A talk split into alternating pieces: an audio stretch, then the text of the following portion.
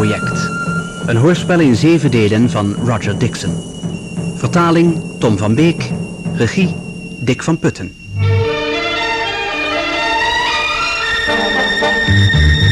Vierde deel. De geest van de Marsmannen.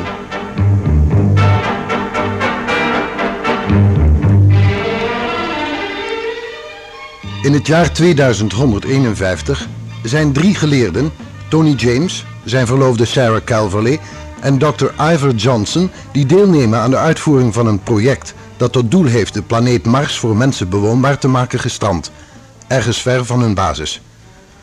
Bij die gelegenheid ontdekken zij een grot, die eens een soort computercentrum geweest moet zijn. Zij vinden tientallen machines en duizenden spoelen met wat lijkt op band-voor-band recorders. Professor Stern, de leider van het Mars-project, heeft het onderzoek in handen genomen.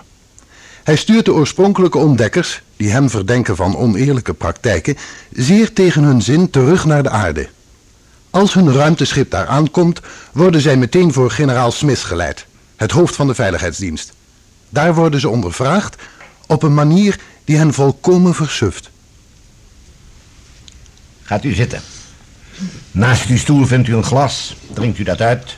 U zult zich dan veel beter voelen na deze uitputtende ondervraging. Mooi. Nog even en u voelt u weer helemaal goed. Professor James, Mijn hoofd bonkt. hoe voelt u zich, Miss Calvary? Ik voelde me na die reis toch al niet de best. Het komt door de plotselinge overgang. De zwaartekracht van de aarde. Daar bent u niet meer aan gewend na zo lange tijd. Komt meer voor. Een paar dagen rust zal u goed doen. Maar voor u gaat, zou ik u eerst graag uitleggen waarom die ondervraging daarnet naar mijn mening absoluut noodzakelijk was. Dat zou ik graag willen weten, ja. Ik kan u verzekeren, Dr. Johnson, dat ik een goede reden had. Ik weet dat u al een tijd, u vooral, Miss Calvary, een verdenking koestert tegen professor Stern. U bent bang dat hij zijn positie als leider van het Mars-project zal misbruiken om de wereldheerschappij aan zich te trekken. Hoe weet u dat? Dat heeft u mij zelf verteld, Miss Calvary. Daar weet ik niets van. Ieder van u heeft mij precies verteld wat u over Stern weet. Vanaf zijn ontslag bij Sir Paul, nu zo'n twintig jaar geleden. Professor James heeft het langst getwijfeld aan de ware aard van Sterns bedoelingen. Het valt bijzonder u te waarderen, professor, dat u zich zo lang hebt opengesteld voor het tegendeel. Maar de aanslag op uw eigen leven heeft u op het laatst toch overtuigd. Heb ik dat allemaal gezegd? U hebt nog veel meer gezegd.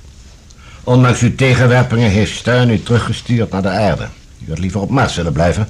om te proberen achter te komen wat Stern precies in zijn schuld voert. Maar omdat u geen keus had gelaten... besloot u hier met een lid van de Wereldraad te gaan praten. Iemand die u zou kunnen vertrouwen... en die eventueel maatregelen zou kunnen nemen. Ja, die moeite hoeven we in ieder geval al niet meer te doen. Dank u wel, generaal. Eh, voordat ik u mijn verontschuldiging aanbied... voor de misschien wat harde behandeling... Misschien kunt u wel weglaten. Hm, hoe dan ook. In ieder geval kan ik er nu zeker van zijn dat u drieën te vertrouwen bent. Mijn excuses, juffrouw, mijn heren, maar ik moest zekerheid hebben. Dus u wist het van Stern. Ik had zo'n verdenkingen. Had u hem dan hier gehaald voor die misschien wat harde behandeling? Dat is helaas onmogelijk. Stern heeft een groot aantal invloedrijke vrienden. Zonder onweerlegbaar bewijs kan ik geen enkele stap tegen hem ondernemen. En daarbij komt dat als ik het wel zou doen, was de kans misschien verkeken om hem ooit op heterdaad te betrappen. Ik ben u weliswaar dankbaar voor uw onvrijwillige inlichtingen, maar er valt nog steeds geen bewijs tegen Stern aan te voeren. Het is in ieder geval een opluchting te weten dat we er niet helemaal alleen voor staan. Inderdaad. Maar wij kunnen niet voorzichtig genoeg zijn. Een aantal van mijn naaste medewerkers heb ik de behandeling gegeven die u zojuist ondergaan hebt. Helaas kan het met dat soort onderzoeken niet te ver gaan, anders zouden de vrienden van Steun misschien in de gaten krijgen. Dat zal onder verdenking staan. U moet dus goed begrijpen dat u hierover met niemand een woord mag spreken. Behalve met mij en met enkele anderen die ik u met name zal noemen. Is dat duidelijk? Ja. Wanneer kreeg u voor het eerst argwaan, generaal? Na de dood van uw vader. Ik heb toen ongeveer dezelfde conclusies getrokken als u zelf, Miss Calvary. Maar ik dacht dat u drieën wel betrouwbaar zult zijn tussen die groep van steun. En daarom hebt u juist ons drieën uitgezocht voor die eh, behandeling. Ik heb het u al gezegd, ik moest zekerheid hebben. Die had ik op geen enkele andere manier kunnen krijgen... dan met wat u noemt die behandeling. Juist. Nou, laten we het voor vandaag hierbij laten. Ik kan me voorstellen hoe u zich moet voelen. Ik zal u naar uw hotel laten brengen. Dat ligt ver buiten de stad. Dan zult u wel een weer een beetje op verhaal kunnen komen. En nog iets, neemt u geen contact met mij op. Als de tijd rijp is, dan stuur ik wel iemand naar u toe. Zoals u wilt. Ik hoop dat u deze hele zaak zo gauw mogelijk zult vergeten. Geniet van uw rust en spreek vooral met geen woord erover. Noemt u niet mijn naam? Laat niets merken van uw verdenkingen. Praat er zelfs niet over als u onder elkaar bent. Ook niet als u denkt dat niemand u kan horen. Natuurlijk. Dank u. Van uw zwijgen hangt veel af. Nog één ding. Van de man die ons hier naartoe heeft gebracht, meen ik begrepen te hebben dat de situatie hier op aarde sinds ons vertrek nog verslechterd is. Inderdaad. Hij heeft u hoop ik ook gezegd dat de Wereldraad iedere discussie over dat onderwerp verboden heeft. Zoiets zei hij, ja. Maar onder ons, alles wijst erop dat we geen tijd meer te verliezen hebben. Dat is nog een reden te meer dat we Stern niet durven aan te pakken. Voor alles mag het project voor de kolonisatie van Mars geen vertraging oplopen. Sommige steden zijn al in een complete chaos ten onder gegaan. Hoe kan dat? Niemand weet precies wat de lont eigenlijk doet ontbranden.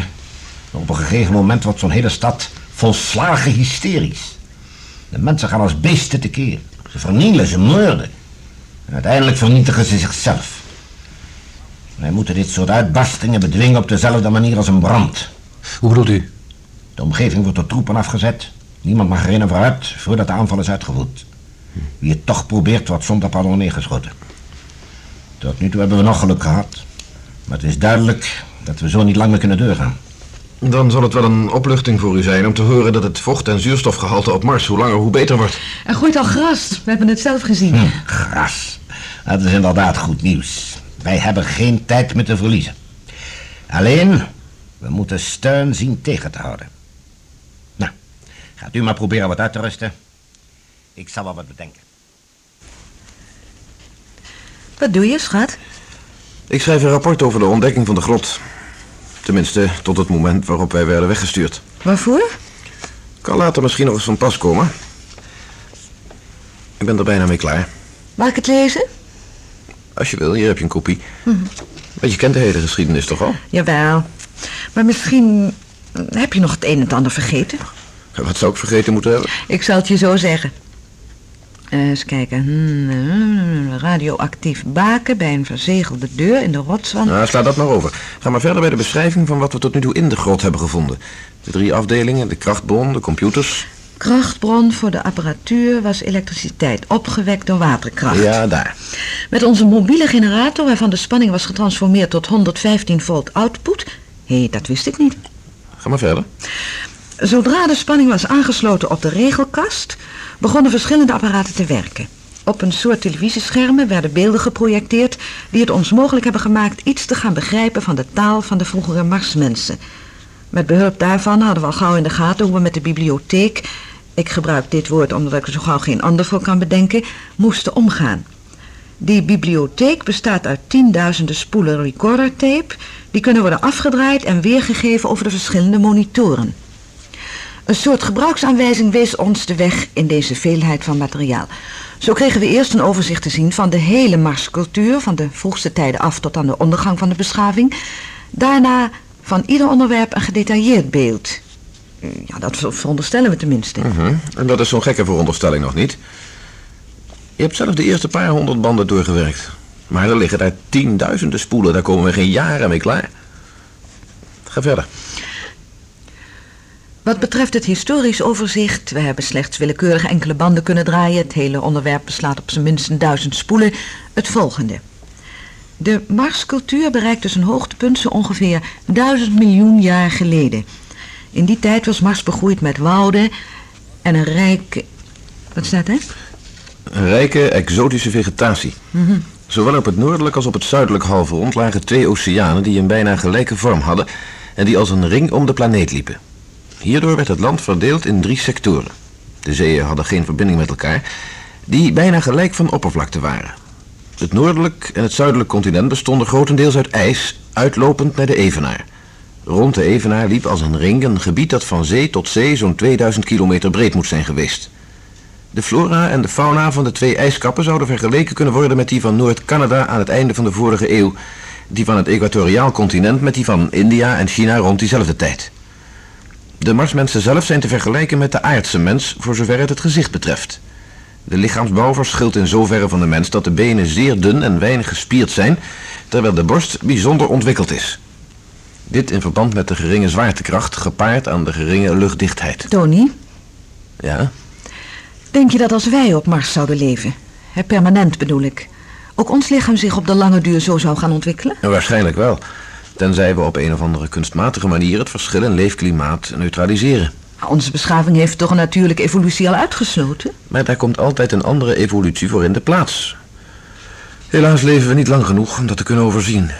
Hm. Ga eens door. De wetenschap schijnt zich op Mars ontwikkeld te hebben langs andere lijnen dan op aarde. Speciaal waar het betreft de energieontwikkeling. Waarschijnlijk mede door het lage zuurstofgehalte van de atmosfeer heeft men nooit gezocht in de richting van verbrandingsmotoren. Dat is ook de reden geweest waarom men nooit heeft kunnen ontsnappen van de stervende planeet. Daarentegen werd al vrij vroeg in de geschiedenis de mogelijkheid van het opwekken van elektriciteit bekend. Hieruit volgde de ontwikkeling van de elektrotechniek, de radiotechniek en de elektronica. In dit verband is het misschien interessant te weten dat vanaf Mars radiosignalen werden uitgezonden naar de aarde, waar de Marsmensen intelligent leven veronderstelden. Dat was in de tijd dat het enige leven op aarde bestond uit ameuben. Toen na jaren van proberen geen antwoord werd ontvangen, heeft men de uitzendingen gestaakt. Er volgde toen een periode van onderzoek naar de werking van de hersenen, maar tot op de dag van ons vertrek zijn wij er niet in geslaagd daar het fijne van aan de weet te komen. Het is nog niet helemaal duidelijk wat de plotselinge toename van zuurstofabsorptie heeft veroorzaakt, generaal. Misschien plotselinge erupties van grote hoeveelheden absorberend gesteente. Maar hoe dan ook, de Marsmensen hebben hun laatste jaren waarschijnlijk doorgebracht in grotten zoals die die wij gevonden hebben. Ontsnappen aan hun noodlot konden ze niet meer. Toen dan tenslotte de rivieren opdroogden, waren ze ook nog van hun krachtbronnen beroofd, zodat ze niet langer kunstmatig zuurstof konden maken. Ze hadden een zo groot mogelijke voorraad gemaakt, maar lang konden ze daar niet mee toe. Lang genoeg om de bibliotheek af te maken, zodat ze in ieder geval een volledig verslag van hun beschaving konden achterlaten voor het moment dat mondelinge overlevering niet meer mogelijk zou zijn. Een tragisch, maar keurig afgerond geheel, professor James. Het zal inderdaad jaren kosten het geheim van de Marscultuur met behulp van het gevonden materiaal te ontsluieren. Maar afgezien daarvan blijven er nog een paar vragen over. Misschien is het antwoord op de ene vraag tegelijk ook het antwoord op de andere. Misschien weet Stan meer van die hele zaak af dan hij ons wil laten geloven. Inderdaad, generaal. Iets dergelijks is ook bij mij opgekomen. Zo, hoe bedoelt u? Als we nou eens uitgaan van de veronderstelling dat Stern al iets af wist van die grot. Als hij aan de exploratie zou willen beginnen, moest hij zijn geheim natuurlijk prijsgeven. Maar eerst wou hij ons kwijt. Dus bedacht hij een spelletje. Hij stuurde ons naar de grot met half gevulde tanks. Op die manier was hij er zeker van dat hij ons op de een of andere manier zou kwijtraken. Hoe bedoelt u? Als we de grot zouden vinden, zou het op een toeval lijken. Maar dan had hij meteen de kans om ons naar de aarde terug te sturen. Als we de grot niet zouden vinden, dan zouden we gestorven zijn van kou en zuurstofgebrek. En in dat geval zou de grot toevallig ontdekt zijn op de reddingsexpeditie. Precies, generaal. Ja, ik begrijp het. Wat bedoelde u daarnet toen u het had over een paar open vragen? Ik heb uw rapport zorgvuldig doorgelezen. U stelt expliciet dat alle leven was opgehouden, maar dat is niet waar gebleken. Nu langs kunstmatige weg de omstandigheden worden verbeterd, blijkt dat de oude zaden en sporen weer ontkiemen. De totale droogte heeft ze gepreserveerd. En de kou. In ieder geval, na een biljoen jaren komt Mars opnieuw tot bloei. En tweede kwestie is, u schrijft dat de grot was verdeeld in drie afdelingen. De krachtbron, het computercentrum, zullen we maar zeggen. Maar wat was de derde afdeling? Tot op de dag van ons vertrek is niemand erachter gekomen wat het doel was van de apparaten die daar stonden opgesteld. Was er tussen de informatie niets wat erop zou kunnen wijzen? Nee, niets. Juist. En komt u dat niet vreemd voor? We hadden zoveel te onderzoeken. U bent er natuurlijk maar een paar dagen bij geweest. Ik blijf me afvragen, zou het een iets te maken hebben met het ander? Hoe? In uw rapport hebt u het over de geavanceerde kennis van de elektrotechniek en elektronica. Later zegt u iets over de studie van de hersenen. Ja, ik zie nog steeds het verband niet. Ik wel. Wat is de meest verfijnde toepassing van de elektronica? De computer, denk ik. Ja? Mis het menselijk brein. Als ze zover gekomen zijn dat ze alle geheimen hebben kunnen ontsluieren van de werking van de hersenen, dan zouden ze het brein hebben kunnen nabouwen als een soort computer. Ja, zover zijn wij nog nooit gekomen, maar onmogelijk is het niet. Een zelfdenkend elektronisch brein. Het zou mogelijk kunnen zijn, maar... Eh, zoals de planten zijn gepreserveerd in hun zaden en sporen... zo is misschien de geest van de Marsmensen gepreserveerd op computerbanden. Maar daar hebben we geen enkele aanwijzing voor gevonden. Maar misschien hebben ze het wel expres zo ingericht dat we eerst de hele rijstebreiberg van gegevens moesten doorwerken om een volledig begrip te krijgen van hun cultuur. Zou Stern ons misschien zo ver voor zijn geweest? Ja, tenslotte is en blijft hij een briljant man. Mogelijk. Op dat idee zouden we een theorie kunnen bouwen.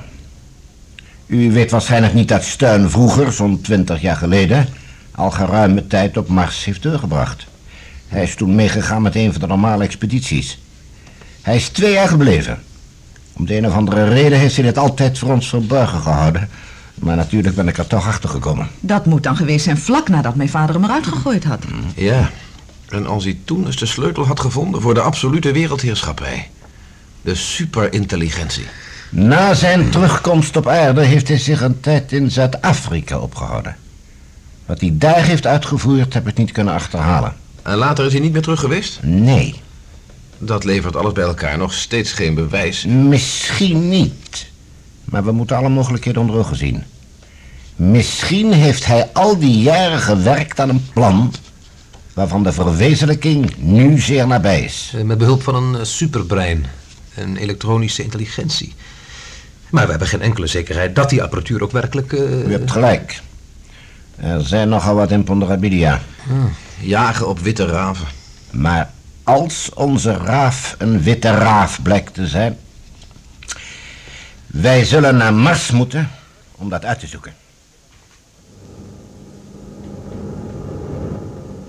Neemt u me niet kwalijk, generaal. We landen op Mars over tien minuten. Wilt u de riemen vastmaken? Dank u. Nee, nee, het lukt wel. U heeft nog geen passagiers niet. Inderdaad. Ik heb zo'n idee dat Sterners nou niet bepaald met open armen zal ontvangen.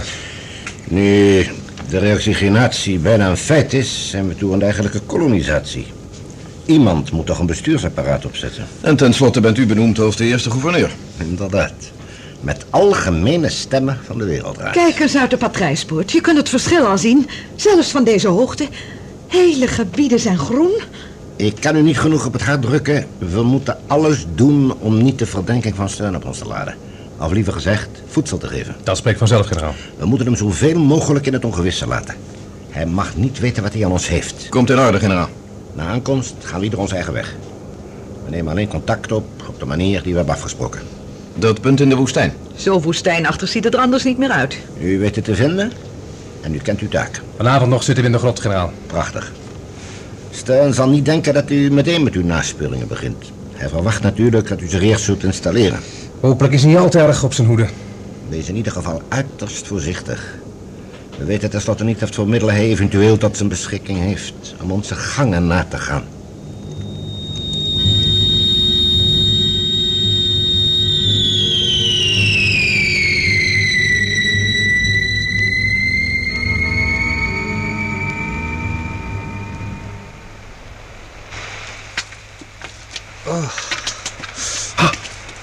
Ik was alweer bijna vergeten hoe koud het hier kan zijn. Spijt me. We moeten toch echt ons voertuig hier achterlaten. Geeft niet. Als we een beetje doorlopen, worden we vanzelf warm. Laten we eerst eens van achter die rotspunt de ingang bekijken. Misschien wordt de grot wel bewaakt. Zie jij iets? Geen barst. Het is stikdonker. Misschien staan ze ons wel op te wachten. Nou, vooruit. We kunnen hier niet eeuwig blijven zitten. Straks vriezen we nog dood. Ga je mee? Oké. Ga jij maar voor.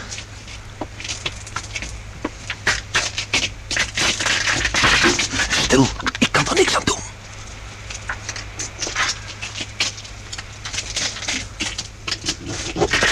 Nou deed jij het. Voorzichtig maar. Val niet hier op die gladde steen. Ja. En? Hier langs. Dan hebben we kans ongezien bij de ingang te komen. Uitstekend.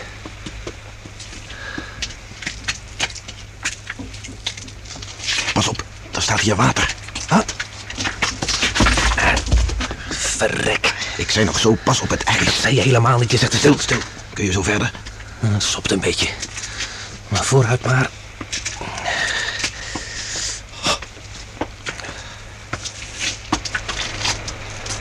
Oh, ik kan de ingang zien. Daar zit een nieuwe deur in. Is er bewaking? Voor zover ik kan zien niet. Wat nou? Kom mee.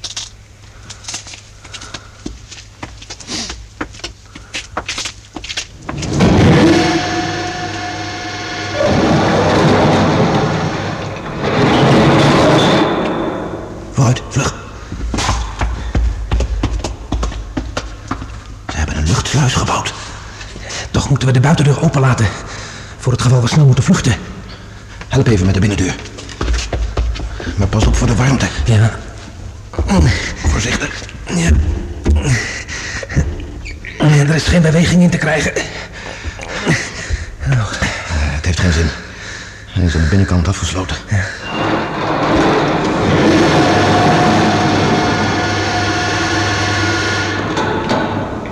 buitendeur. Nou, gefeliciteerd. We zitten mooi gevangen. De binnendeur gaat open. Wie is daar? Bent u het, Dr. Johnson? Je slaat de spijker op de kop, Dave. Je hebt ons goed aan schrikken gemaakt. Oh, God, het spijt me. Ik zag op de monitor dat er iemand in de luchtsluis was. Ja, die binnendeur die kan niet open voordat de buitendeur dicht is. Ja, het is wel goed. Het is alleen dat we het niet wisten. Eh, mag ik even voorstellen? Dit is professor James. Maakt u het, professor? Uitstekend, dank u. Dit is David Bird. Ik heb veel aan hem gehad toen we hier pas waren. Ik had al gehoord dat u was aangekomen. Maar ik had niet verwacht u hier zo gauw al te zien. Ik kon gewoon niet langer wachten. Komt u verder. ik denk dat u wel trek hebt in een kopje koffie. Heel graag. Ah, het is hier tenminste lekker warm. Mag ik u even voorgaan? Ach, u weet natuurlijk zelf wel de weg hier. Nee, ga je gang. Het is hier veranderd. Ja. Ja, we hebben de tunnel water dicht moeten maken. Toen de vochtigheidsgraad toenam, werd het hier zo nat als ik weet niet wat. Trouwens, eh, hoe vindt u de veranderingen buiten? Ja, het begint hier hoe langer hoe meer op moedertje aarde te lijken. nou, zover is het nog niet. maar ik heb gehoord dat er al een groep pioniers is aangekomen met hetzelfde ruimteschip als u. Ja, experts op het gebied van agrarische cultures en irrigatie.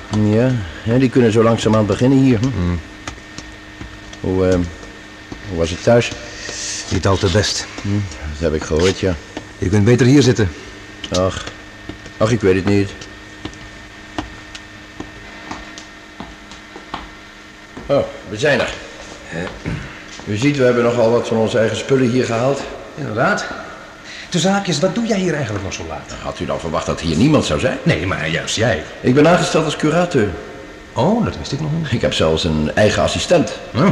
Poski, Ja, maak eens wat koffie. We hebben visite. wat? Visite? Oh, eh, goedenavond. Dit is eh, Mike Poski, mijn assistent. We hebben hier allebei een kamer, daar, aan het andere eind van de grot. Paski. James. Hoe maakt u het? Uitstekend. En dit is eh, Dr. Johnson, mijn vroegere baas. Maakt u het? Dave heeft me veel over u verteld. Oh. En over de eerste tijd hier. Nou ja, een beetje opscheppen, dat mag toch wel. Waarom niet? Mooi. U had het over koffie, nietwaar? Graag, ja. Komt voor elkaar. Ik hoef wel eens een klein. Ja, dank je. En? Hoe zit het met die derde afdeling? Zijn jullie daar al achter? Die derde afdeling? Die apparaten achter in de grot. Oh, die. Die zijn overgebracht naar het nieuwe laboratorium. Wat? Ja. Tot nog toe heeft niemand kunnen achterhalen wat het precies voor machines zijn. Nou, daarom heeft Stern ze weg laten halen om ze in zijn nieuwe laboratorium grondig te kunnen bestuderen. Zijn nieuwe laboratorium? Hebt u het nog niet gezien?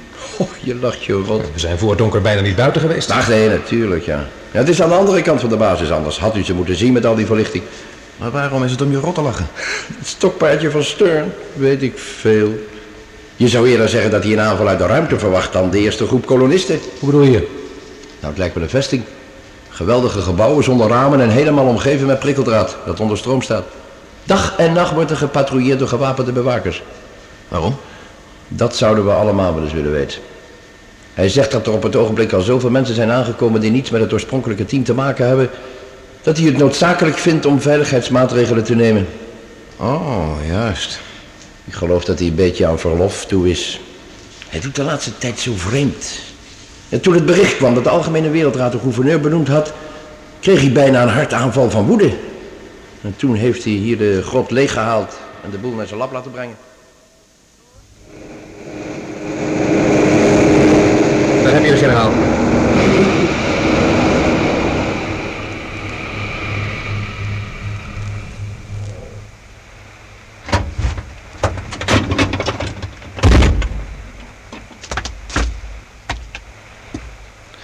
Goedenavond, heren. Goedenavond. Goedenavond. Ja. Het is hier koud. Had u vroeger mee moeten maken. Tja, ter zake. Heeft u wat kunnen ontdekken? Stern heeft de hele derde afdeling laten verhuizen naar een privéonderkomen dat hij aan de andere kant van de basis gebouwd heeft. Zo, zo. Ik heb daar net een hele tijd met hem zitten praten, maar daar heeft hij met geen woord over gerept. Nee, dat zal wel niet. Ik geloof dat we op het goede spoor zijn, generaal. Ik hoef u niet te zeggen dat het geen erg warm welkom was. Hij heeft me niet de gelegenheid gegeven ook maar iets te bekijken. Hij liet me voortdurend in de gaten houden. We moeten in dat fort zien te komen. Ik wil wel eens weten wat hij er allemaal bekokstooft. Inderdaad. En dan zal ik weer een beroep op u moeten doen. Ik heb geen verstand van technische dingen. U zal u niet zo makkelijk zand in de ogen kunnen strooien. Hoe had u zich dat voorgesteld? Het mooiste zou zijn als we steun een poosje konden kwijtraken. Dan blijft Dr. Hildebrand wel over en de rest van zijn persoonlijke staf. Maar hij is de spil waar alles om draait, daar ben ik zeker van. Maar hoe komen we van hem af? Tja, een openlijk conflict kunnen we niet riskeren. Wat hij ook is, een schuld voert, het tijdschema van het Marsproject klopt tot nu toe perfect. We mogen onder geen voorwaarden achterop raken. Wacht eens. Ik heb het. Ik kan steun altijd door de Algemene Wereldraad laten terugroepen. Naar de aarde om rapport uit te brengen. Maar als hij weigert te gaan? Daar trapt hij nooit in. Misschien niet. Maar ik heb een aas waar hij me al te gretig in zal bijten.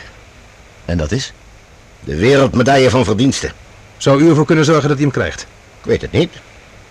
Maar ik kan hem altijd voordragen. Er zijn er in de hele geschiedenis maar drie uitgereikt. Tja. En herinnert u zich nog aan wie voor het laatst? Mhm. Precies. Dat is Sir Paul Coverley. Postuum, helaas. Och, misschien verdient Stern hem ook wel. In ieder geval heeft hij op een briljante manier leiding gegeven aan de uitvoering van de plannen van zijn grote rivaal. Hoe zou hij die verleiding kunnen weerstaan? Nu ook hetzelfde eerbewijs te krijgen als zijn rivaal. Het is in ieder geval te proberen. Ik zou voor mijn voordracht uw woorden kunnen gebruiken, professor James. Als het lukt, zijn we hem op zijn minst drie weken kwijt.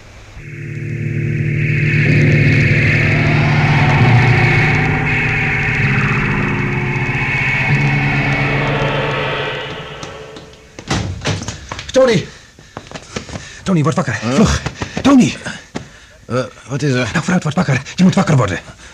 Ivor, wat is er gebeurd? David. David? Ja, David Beurt, je weet wel, die de supervisie heeft over die grot. Eh, wat is er met hem? Hij is bij mij op een kamer. Wat is er dan gebeurd? Is hij gewond of zo? Nee, hij was volslagen hysterisch. Ik heb hem met veel moeite een beetje kunnen kalmeren. Wat is er dan gebeurd? Ja, kom mee, dan zul je het wel horen. Tony, alsjeblieft. Ja, ik kom even wat aantrekken. Hans, schiet alsjeblieft een beetje op. Ik durf hem niet zo lang alleen te laten. Als je eens wist wat ik met hem heb doorgemaakt. Ga maar vast, ik kom Ja, eraan. goed, maar schiet dan ook op. Ja, ja, ik ben zo klaar. Eh, wacht eens. Ja, Moeten we Sarah niet waarschuwen? dat komt later nou. Kom nou. Goed. Ik ga vast. Ik had hem misschien beter helemaal niet alleen kunnen laten. Ivor. Te laat. Hij is weg. Weg. Mijn god, het lijkt wel of er hier een bom ontploft is. Ik vond het zo toen ik terugkwam. Hoe kan dat? Je bent nog geen vijf minuten weg geweest. Had ik in het gezicht moeten zien. Een opgejaagd beest. Het leek wel of hij de duivel had gezien. Heeft hij nog iets kunnen zeggen? Hoe, hoe kwam hij zo in paniek? Het schijnt dat dokter Random heeft laten roepen. Hij moest naar het nieuwe laboratorium komen. Waarom? Hij had zijn werk toch in de grot? Ze schijnt gezegd te hebben dat professor Stern haar opdracht had gegeven tijdens zijn afwezigheid het werk door te laten gaan. Maar Burt ging toch al door? Ja, hij begreep er ook niks van. Hij moest met nog twee andere mannen op de gang gaan staan. Eén voor één werden ze binnengelaten. Waar werden ze binnengelaten? Daar heeft hij niet op gewacht. Hij was achterdochtig, hij werd bang. En toen hij aan de beurt was, is hij in paniek gevlucht. Kan ik me voorstellen. Hij zei, hij, hij vond dat iedereen zo raar deed. En Ook Dr. Rand. Maar toen ik hem vroeg wat er dan raar was aan hun gedrag, wist hij het niet onder woorden te brengen. Misschien heeft hij het zich alleen maar verbeeld. Door zijn angst. Maar ga door. Hij rende dus weg in de richting van de uitgang. Dat dacht hij tenminste. Maar hij ging de verkeerde kant op. Ja. En dat heeft hem in zekere zin gered. Onmiddellijk ging het alarm. Het alarm? En terwijl iedereen dacht dat hij naar buiten ontsnapt zou zijn, wist hij zich te verbergen achter een deur. Daar kwam weer een beetje tot zijn positieve. En toen? Het bleek dat die deur toegang gaf tot een soort galerij. Hij keek naar beneden En daar lag een zaal met amfitheatersgewijs banken. Voor het front was de operatietafel in een collegezaal. De apparaten. De derde afdeling uit de grot. Precies. Drie uur heeft Dave zich onder de banken verborgen gehouden. Niemand kwam op het idee hem daar te zoeken. Waarschijnlijk was iedereen ervan overtuigd dat hij erin geslaagd was te ontsnappen. En in die drie uur heeft hij genoeg gehoord en gezien om te begrijpen om wat voor apparaat het gaat. Ga verder. Tony, je gelooft het niet. Ik zweer het je. Zeg op, Ivor. Wat zijn het? De Marsmensen. Wat? Die machines? Nee, die apparaten zijn alleen maar een soort gecompliceerde tape recorders. De Marsmensen zijn die banden. Zoals wij beelden op kunnen nemen op film. Stemmen op bandrecorders, eh, gedachten kunnen weergeven in druk. Zo zijn die Marsmensen erin geslaagd een totale persoonlijkheid vast te leggen op band. Maar hoe dan? Ik weet het niet. Misschien zullen we daar ook nooit achter komen. Sommige van hun wetenschappelijke ontwikkelingen zijn ver achtergebleven bij die van ons. Ze zijn er nog niet in geslaagd lichamelijk te overleven. Maar op andere gebieden waren ze ons ver vooruit. Het is hun kennelijk gelukt geestelijk te blijven voortbestaan. Bedoel je dat iedere spoel de geest bevat van een levend wezen dat miljoenen jaren geleden gestorven is? Dat niet alleen, Tony. Die apparaten zijn in staat om de geest van dat wezen over te dragen op anderen. Zo kunnen ze de mens tot hun slaaf maken. Is dat mogelijk? Geen idee. Dave heeft niet de gelegenheid gehad dat te ontdekken. Hij was er wel van overtuigd dat hij als proefkonijn had moeten dienen. Die andere twee hadden al een behandeling gehad. Mijn hemel. Natuurlijk. En Stern ook. Misschien was hij wel de eerste. Ga mee. Waar ga je heen? Generaal Smith waarschuwen. Moeten we Dave niet zoeken? Dat is niet ons werk.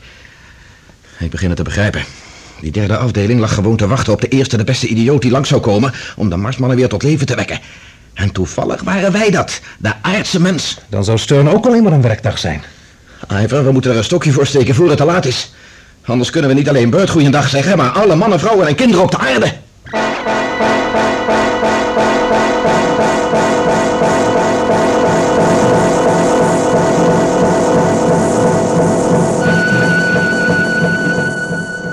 De Geest van de Marsmannen was het vierde deel van het Mars-project. Een hoorspel in zeven delen van Roger Dixon. Vertaling Tom van Beek. De rolverdeling was als volgt. Tony James, Paul van der Lek.